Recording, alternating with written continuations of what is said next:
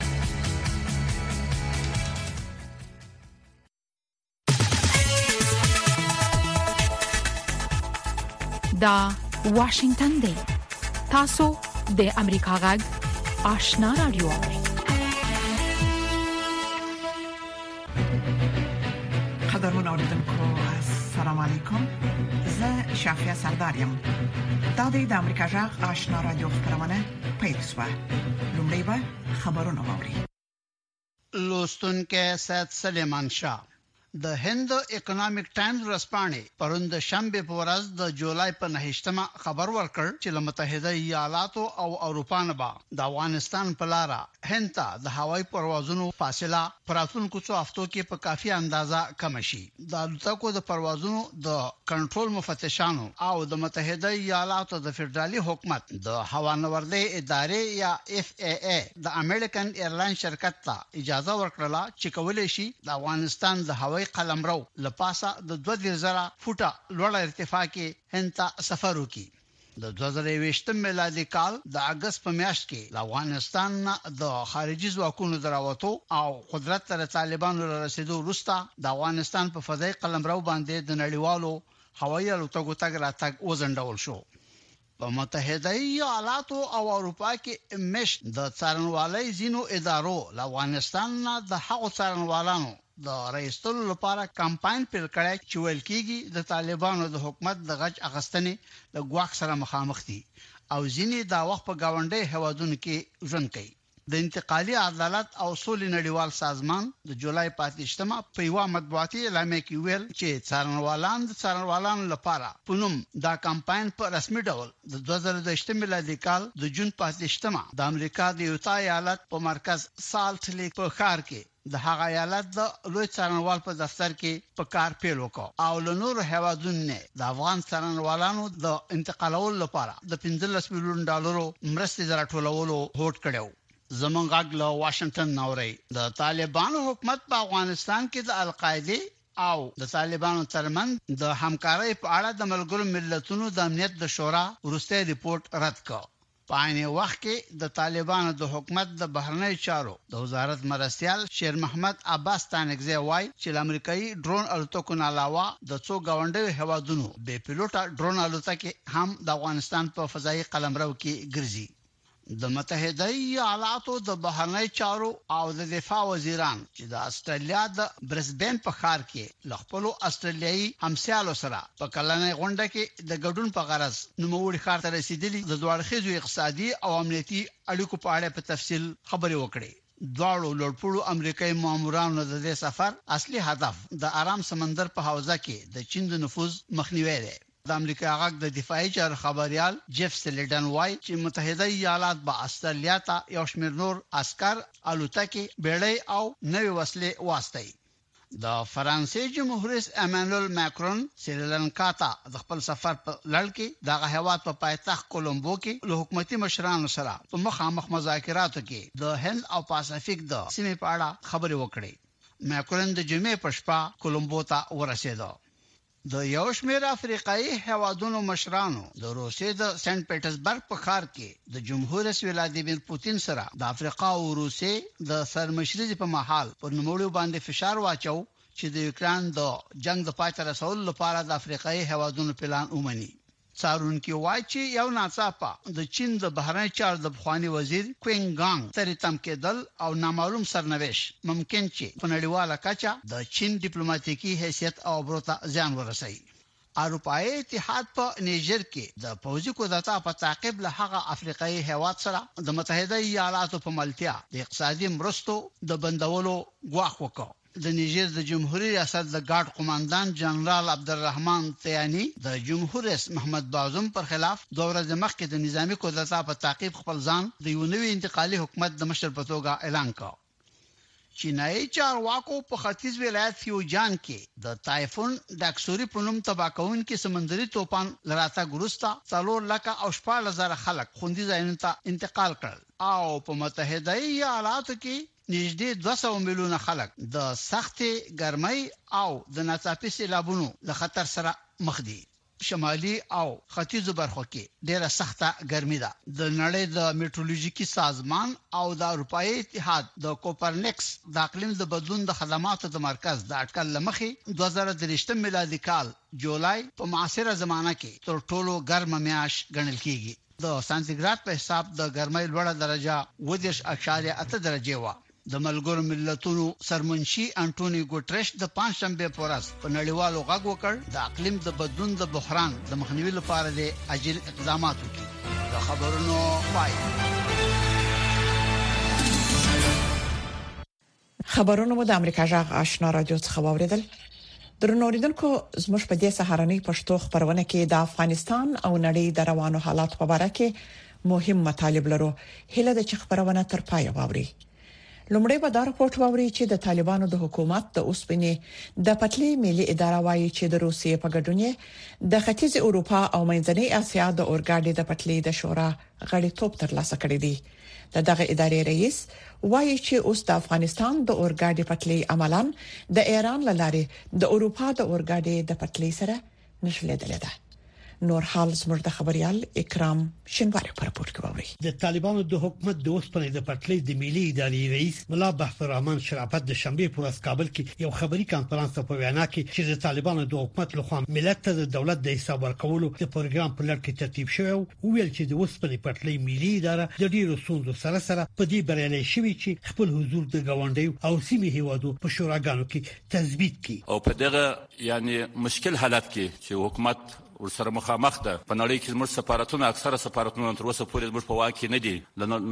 نړۍ سره د ویزو مشکل لرو د تګ او راتګ مشکل لرو په نړیوالو غونډو کې د بیرغ مشکل لرو خو موږ بیا هم توانیدلي یو چې په اوسني حالت کې په اوسني سخت وضعیت کې د یو بلې شورا غړیتوب مو هم تر لاسه کړی ده چې هغه د سیمې یوه غټه شورا ده مهمه شورا ده مرکز یې په مسکو کې دی چې هغه د شرقي یورپ او د منځنۍ اسیا د روسیې په شمول د اورګاډي د ادارې د اورګاډي ټولې چارې کنټرولوي په خاصه توګه د فرایټ په برخه کې د اورګاډي د انتقالاتو د مالونو انتقالاتو په برخه کې. ملا بختالرحمن شرافت ویل چې په دغه شورا کې د غړیتوب د مخه ازبکستان د افغانستان استازیتوب کوي. هغه ویل چې د ایران سره د شوې موافقې له مخې ټاکل شوې چې په دوه برخو کې د ایران څخه د هرات ولایت هوایي ډګر پورې د اوسپنې د پټلۍ د غځولو چارې هم ژر پیل شي. ملا بختالرحمن شرافت ویل چې اوس مهال افغانستان عملاً د ایران له لارې اروپا سره د اوسپنې د پټلۍ له لارې نښلول شوی دی. له ایران هیواد سره مو نوي انتقالات شروع کړل الحمدالله. د اروپا څخه دا زموږ دویم ټرین دی یا دویم قطار دی چې د اروپا څخه مستقیما و هرات ته راځي موږ نن نور د خافرات یا د روزنقل سټیشن څخه مستقیما له اروپا سره وصل یو همداشان د طالبانو د حکومت د اوسپنې د پټلۍ د ملي ادارې رئیس ویل چې د ازبکستان او پاکستان سره د افغانستان له لارې د اوسپنې د پټلۍ په واسطه د نښلولو په پروژه موافقه شوې چې تر یو کال پورې به د مقدماتي څېړنې رپورټ چمتو شي د اقتصادي چارو ځینې افغان کارپوهان د وسپنې د پټلۍ له لارې د ګاونډي هیوادو سره نښلول د دغه هیواد د اقتصاد لپاره ډیر مهم ګڼي خو وایي چې په افغانستان کې د ځانګړي وضعیت لامل لکه نړیوال بانک او د اسیا پرمختیايي بانک اوس مال د دې پروژې تمویل ته چمتو نه دي د اقتصاد یو استاد عیسی رضایي وایي چې د طالبان حکومت د دې پروژو د تمویل لپاره مالی توان نه لري بنابراین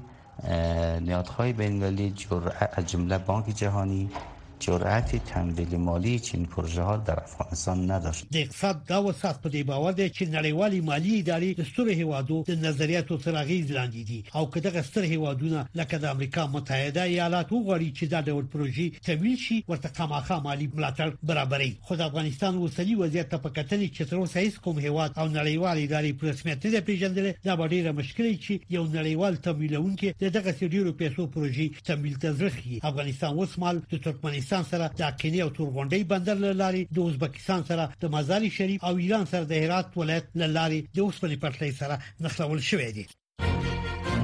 انتظار پای ته ورسید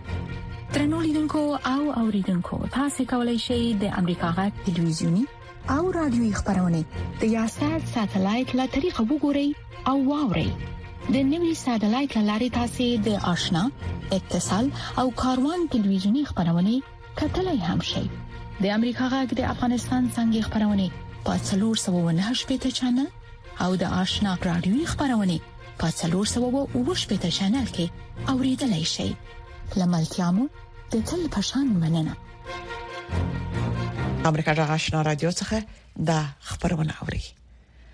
کله وی خو د کابل شهر اوسیدونکو د سخت ګرمۍ څخه کړيږي نو د بل خو د چشاک د اوبو د نشټون لکبل هم خلک د ډیرو مشکلاتو سره مخامخ دي زیاتره خلک یا په پیسو او په اخلي او یا په سختو شرایطو کې ژوند کوي نور تفصيل پر پورت کې واوري د کابل هغه اوسیدونکو چې په لوړو پرتو سیمو کې ژوند کوي د څښاک د اوبو لپاره سخت کړهو غالي عید محمد چې د خلکو کورونو ته د اوبو رسولو کار کوي وایي چې زیار ډیر باسي خو مست کم دی نمیجا ما کار میکنم خو تم کوچا دی کوچا دی کوچا هر مردم ببرم در با بیشتر مردم بتان به خونه ببرم افغانستان کلونو جګړو ځپلې او خلک د اقتصادي مشکلاتو سره هم مخ دي د څښاک د اوبو کمښت د ولس ژوند نور هم سخت کړی دی او هر ورځ خلک د اوبو د اخیستو لپاره کتارونه کې ولاړ دي گرمی مردم امروز دانه تازه کم است کراچی دیگر روزا که بیت دیگر این تاونوس استاد میشه تا سرک این را بندی میشه که مشکلات مردم بیوی کابل کې د اوبو د رسولو د ادارې مسؤل شفیع الله زیدي وایي چې وچکالي راغلې ده نو ځکه ډیرو ځایونو کې د اوبو اندازه ټیټه شوې ده وچکالي ده د اوبو سطح څه کمه شوې ده سطحي اوبه نشته نو د اوبو د کمبود په اساس باندې د مونږ تولیدات یا توزیعات چې دي د په وقفي ډول باندې دي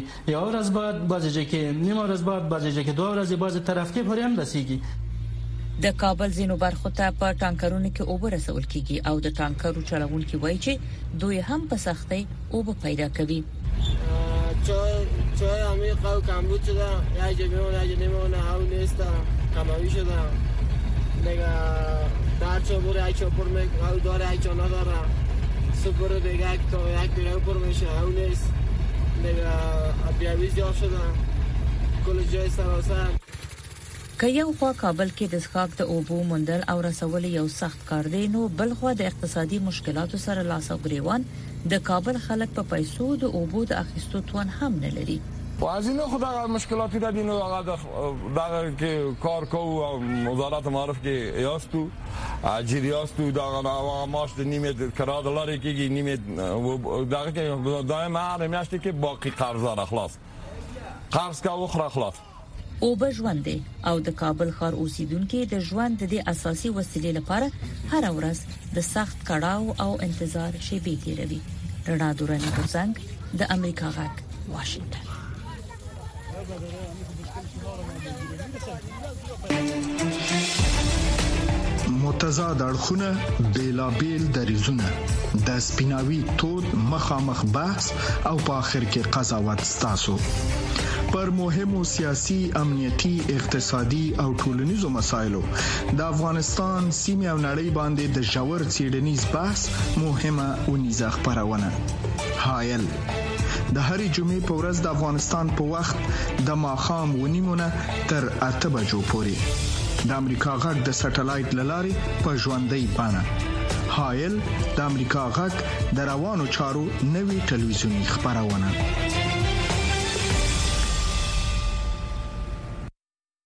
قدر منوریدونکو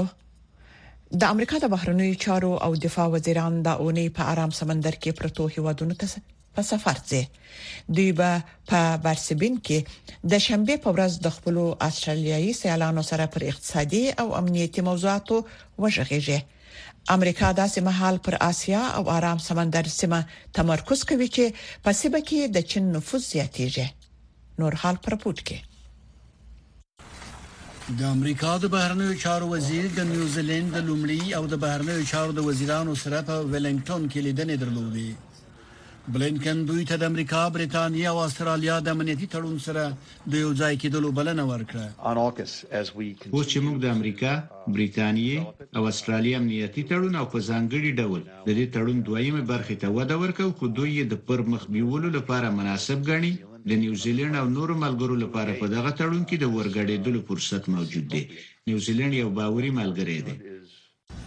د دې اونۍ په پیل کې د امریکا د بهرنیو چارو او دفاع وزیرانو د اسیا او ارام سمندر سیمې ته سفر درلود. دا لومړی ځل و چې د امریکا د دفاع وزیر پاپاو نیو ګیني او د امریکا د بهرنیو چارو وزیر تونګا ته سفرونه وکړل. د امریکا د بهرنیو چارو وزیر انتوني بلینکن په تونګا کې د امریکا سفارت هم پرانیست. امریکا د هغه وخت په پرتله چې په نولس سوه او پنځه څلوېښت کال کې د اسیا او ارام سمندر سیمې ته یې د دویمې نړیوالې جګړې په پای کې توجه کوله، اوس زیاته توجه کوي. په سیمه کې د امریکا د سفارتونو درلودل دې سیمې ته د امریکا د جدي پام کولو او د زیاتې راکړې ورکړې برخه ده. نور شنونکي بیا وایي چې د استرالیا سره د امنیتي اړیکو پیاوړي کول د امریکا د بهرنیو چارو او دفاع وزیرانو د سفر بل موضوع ده په استرالیا کې دا موضوع لوی ده د زیاتو دفاعي امکاناتو په سیمه کې د دفاعي وړتیا او د استرالیا او بریټانیا سره د دې لپاره چې له چین څخه د راټوکیدونکو غوښونو مخه ونیول شي کار کول د دې هڅو بنسټ دی د امریکا د بهرنیو چارو وزیر انټونی بلینکن په سیمه کې د چین چلند ستونزمن او د نورو لپاره د خطر په نوم یاد کړ خو چین دغه نیوکه ردوي چین وايي د اسیا او آرام سمندر هیوادونو د چین سره د یادو هیوادونو د همکارۍ هرکلی کړی دی په ورته وخت کې د فرانسې ولسمشر ایمانوئل مکرون هم د سیمې د هیوادونو سره د همکارۍ په مخه سیمې ته سفر کوي پرته له دې چې نوم یې واخلي، د فرانسې ولسمشر په ارام سمندر کې د نوموړي په وینا استعمار وغانده او هغه یې د کوچنیو هیوادونو لپاره یو ګواښ وباله. غورځنګ، د امریکا غږ، واشنګټن.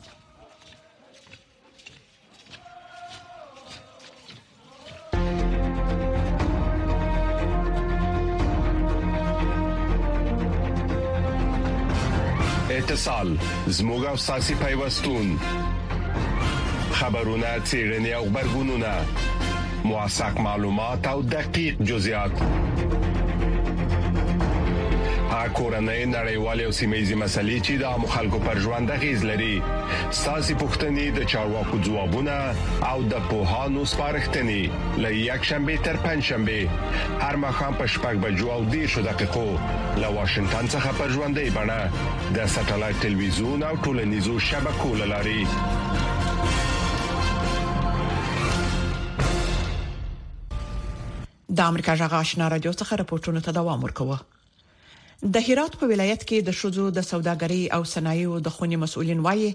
چې د طالبانو له خوا د ښځو د کار او زده کړو له بندیز را وروسته یو شمېر ښځو او نجونو د لاسي صنایعو تولید ته مخه کړې ده. د دې خونې په وینا، د هرات په ولایت کې د لاسي صنایعو د ښځینه کارکوونکو شمېر واک ته د طالبانو د راتګ راهیسې له اویاوو څخه څلور سوه دوه شپېته ته لوړ شوی دی. صفیح الله احمدزی په دې اړه رپورت را لېږلی د خزینه جامو د جوړولو دغه کارځای د فریبا صدیقی له لوري هغه مهال پرانیستل شو چې هغه د طالبانو لخوا د مؤسساتو د خزینه کارکونکو د کار ممانعت لامل خپله دنده له لاسه ورکړه. هغه وايي دغه کارځای یې جوړ کړی چې د ژوندانه چارې پرې برابر کړي. همین قسم که ما بیکار شدم تکیه به دگرا کردم متکی به دگرا شدم باز هم انگیزی می بود که من خود ما بتونم از طریق عرفه که دارم سرپا خوستاد شم و دگرا هم در کنار خود خو قرار دم همی شد که ما کارگار باز کردیم در قدم اول ما همی کارگار از 6 لک افغانی به حساب سرمایه گذاری کردیم چون چند شعبه داشت په دې کارځای کې یو پنځوس تنه په کار بوختې دي چې اکثره یې زده کوونکي زده کړیالانې او یا هم هغه میرمنې دي چې د محدودیتونو له امله خپلې دندې له لاسه ورکړې دي په لویدیځ حوزه کې د ښځو د سوداګرۍ او صنایعو خونې مرستیاله وایي چې د طالبانو له واکمنۍ راهیسې د ښځینه صنعتګرو شمیر زیات شوی دی در ابتدای کار وقتی که نظام قبلی سقوط کرد و نظام امارت آمد ما 70 نفر اعضای فعال به اتاق تجارت زنان داشتم البته به کل اوزای غرب بعد که مکاتب بسته شد و محدودیت ها برای خانم ها و دیگه بخش ها ایجاد شد خانم ها بیشتر رجوع کردن به اتاق تجارت زنان ما حدود 462 نفر از اعضای فعال داشتیم به اتاق تجارت زنان که همه ثبت رجیستر بودن و در سال امسال که 1402 هست ما 307 نفر خانم ها آمدن جواز خود تمدید کردن و کارت عضویت خود تمدید کردن دغه میرمنې وایي له مجبوري یې دې کار ته مخه کړې تر څو پرې بوختې اوسي. دوی زیاتوي، که اوزګارې په کور کې پاتې شي، کېدای شي د ډېرو سوچونو له امله په رواني ناروغیو اخته شي. بلخوا د هرات اوزوي روغتون د رواني مشاورې څانګې مسؤل وایي چې په رواني ستونزو او ژور خپګان اخته ښځینه مراجعینې زیاتې شوې دي. کېدای شي په لنډمهاله او اوږدمهاله کې دوی رواني مریضي ته ډیر مبتلا شي ځکه چې دوی مصرفیات نه لري په کور کې د باندې د دغه مصرفیات نه درلودو په خاطر به کولای شي چې د دغه ته مخ راوړي د اعتیاد مواد مخدر ته د دواګانو ته او دا یو شپه نه ده دا یو خطر ده فریبا د دری ادبیاتو او شریعتو کې د لیسانس اسناد لري خو اوس د خپلې زده کړې خلاف خیاطي کوي وای هیله یې دا ده چې د ښځو د تحصیل او کار پر وړاندې شته محدودیتونه لرې شي او وشي کولای د خپل سواد له لارې ټولنې ته خدمت وکړي صفی الله احمدزی امریکا غږ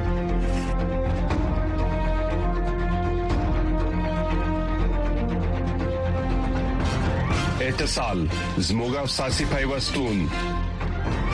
خبرونه چیرنی او خبرګونونه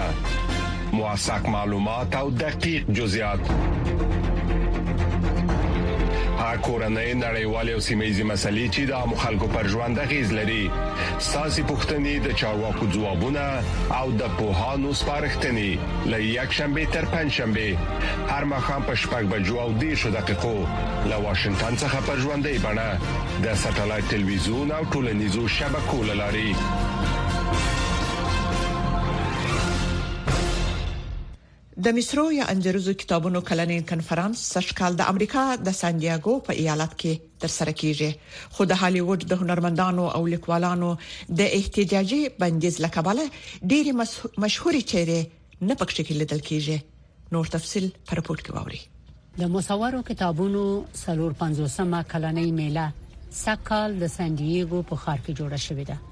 دا په نړۍ کې د مصورو کتابونو د اتلانو، هنرمندانو، لیکوالانو او فلم جوړونکو غونډه بلل کېږي چې مینوال پکې د خپلې خوښې څېرې او شخصیتونه ویني. سږ کال دا مېله په دې بې رنګه ده چې د هالیووډ مشهورو هنرمندانو او لیکوالانو د حق زحمو د کمی له کبله اعتراضي احتجاج کړی دی او د میلې ته نه دی راغلی مګر د دې میلې خوند هغه کسانو ژوند ساتل چې د مشهور او زوريزو کتابونو کریکټرونو او د ویډیو گیمونو د کردارونو په شان جامع اغوستي وي پاتریشا بونز چې په خوانی عسكر ده د مارول فنوم د مصورو کتابونو د کیسو د اتلې د تورې کونډې لباس اغوسته زه 62 کلنه یم او په دې عقیده یم چې انسان هر عمر کې د خپل خوخي کار کولی شي مونږ ټول له ژوند خوند اخیستل غواړو او د دې یو لار دا ده چې بیرته ماشومان شو مونږ باید ځانونه محدود نه کړو مونږ هر څوک یو باید د خپل خوخي ژوند وکړو اشلی لارنس او کیت فاستر د خپل خوخي د مصورو کتابونو لمخې د جوړو شو فلمونو د کردارونو لباسونه اغوستي دي چې یو پکې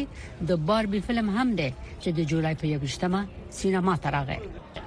ما د باربي د کال 1985 د یو فلم لباس خوښ کړی دی دا د یو فضانورد باربي لباس دی چې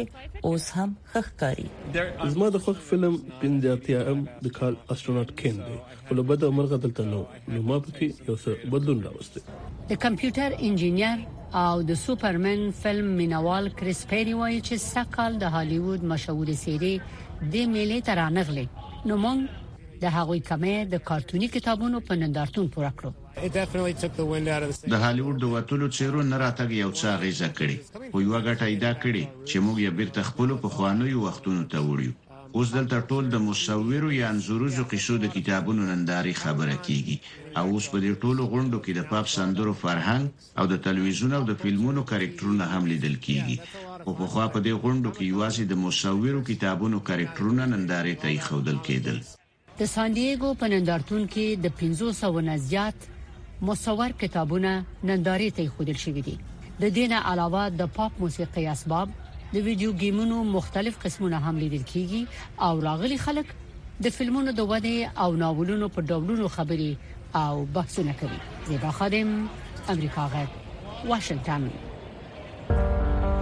د بدلون پر مهال کله چې د نړۍ وضعیت څرګند نه وي او کله چې اوریدل ل عیني واقعیتونو سره سمون نه خوري موږ په حقیقت پسې ګرځو کله چې موږ ته د یو موضوع یوازې یو اړخ بیانېږي نو باور بایلو د ناورین پر مهال د یوې ښې راتلونکې لپاره زموږ خوبونه تم یو هلي پر آزادو مطبوعاتو تکیه وي د امریکا غږ پر چپو موږ هغه خبرونه خبرو چې خلک یې د لیدلو لپاره غواخونه مني موږ نړۍ سره وسلو او د حقیقت په ویلو یو موټی کوو د امریکا غږ لاري موږ بشپړ انزور درکو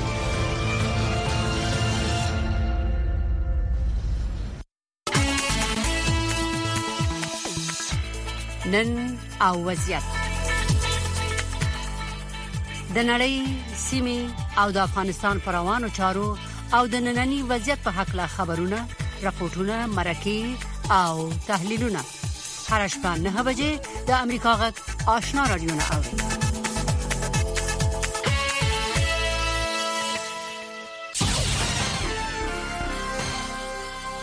درنو اوریدونکو دا د اوس په یو سرمقاله ووري چې د امریکا د حکومت نظر څرګندوي د بوسنیا د جنگ په وخت کې چې د 1992 کال نه تر 1995 کال پورې دوام وکړ د بوسنیا سربان یو د سترو قومي ګروپونو چې د یوګوسلاویا پخوانی هیواد جوړ کړی وو په دې لټه کې وو چې په قومي لحاظ متجانس هیواد جوړ کړي د سبسکا جمهوریت د دوی د منتخب خاورې په مرکز سبرنیسا کې موقعیت درلود په تاریخي لحاظ بوسنیا د اکثریت مسلمانانو کور دی د بوسنیا سربي نېشنلستانو د درو کال لپاره د سربرینیسا مسلمانانو په سلټون وکړ او ډار کړل بل اخره د جنگ په پای کې د جنرال راتکو ملادوویچ د قوماندې لاندې د ریپبلیکا سپسکا د بوسنیا سر پوزي قطعات په زور سره سربرینیتسا محاصره شوې سیمې ته ننوتل، دا د ملګرو ملتونو د ژغورنې لاندې یوه محفوظه سیمه وه، د سربیا عسکرو د شاوخوا کلو د سلګونو مهاجرو په شمول خلک محاصره کړل، دوی ښځې او ماشومان جدا کړل او بیا په سیستماتیکه توګه د پنځلس کالنه د عمر پورته ټول نارینه ووژل، دوی د نولس سوه او پنځه نوي کال د جولای د میاشتې د یوولسمې او یودېرشمې نېټې ترمنځ د اوو نه تر اتو زرو پورې بې وسلې نارینه او هلکان عام قتل کړل. د ملګرو ملتونو د اته څلوېښتم کال د عام قتل کنوانسیون عام قتل تعریفوي. په داسې حال کې په دې مقصد سره بشپړ یا یوه برخه یو ملي قومي، نژادي یا مذهبي ګروپ تبع کوي او د هغه رپوټ په قول چې په سربرینیڅا او شاوخوا کې د پېښو لپاره د تحقیقاتو د کمیسیون لخوا په دوه زره څلورم کال کې خپور شوی دی دا هغه څه دي چې په سربرینیڅا کې واقع شوي وو. د ریپبلیکا سیپسکا د هغه وخت حکومت اوس بوسنیا هرڅګوینا یوه خودمختاره سیمه ده یو رسمي بخښنه غوښتې وه مګر څوارلس کاله وروسته ریپبلیکا سیپسکا دغه راپورټ رد کړ ادعا کوي چې د هغو قربانیانو ډېری لا تر اوسه ژوندي دي د دې ورځې پورې د سبرینیسا د عام قتل او د هغه چا سرلوړي چې د دغو اقداماتو مرتکب شوي په دغه سیمه کې یوه عامه خبره ده. په بوسنیا هرڅګوینا کې د امریکا سفیر مایکل مرفي د سبرنیسا د عام قتل د اتهشتمې کلیزې د یادونې په ترڅ کې وویل، د امریکا خلک د قربانیانو، ژوندي پاتې کسانو او هغو کورنیو سره چې د خپلو خپلوانو ویرې کوي په پیوستون کې ولاړ دي. سفیر مرفي وویل، په سربرنیسا کې د عام قتل په باره کې واقعیتونه د شک د سوري نه په اخوا منځ ته راغلي دي. امریکا د بوسنیا هرڅکوینا په سیاسي مشرانو باندې غږ کوي چې د رښتیا لپاره په سربرنیسا کې د عام قتل د قربانیانو د یادونې لپاره او د بوسنیا هرڅکوینا د راتلونکي لپاره احترام څرګند کړي چې د دوی د قابلیت پورې ارتباط لري چې ومني چې په سبرمنیڅا کې عام قتل واقع شو او ضروري اقدامات وکړي چې دغه صحیح کې او د 1992 کال نه تر 1995 کلونو تر منځ د جنگ نوري غلطۍ اصلاح کړي جنوار دونکو دا و د امریکا غږ سره مقاله چې د امریکا د حکومت درنو لیدونکو زموږ د خبرونه په همدې ځای پای ته ورسیده د امریکا جغ آشنا را دوه خبرونه دوام لري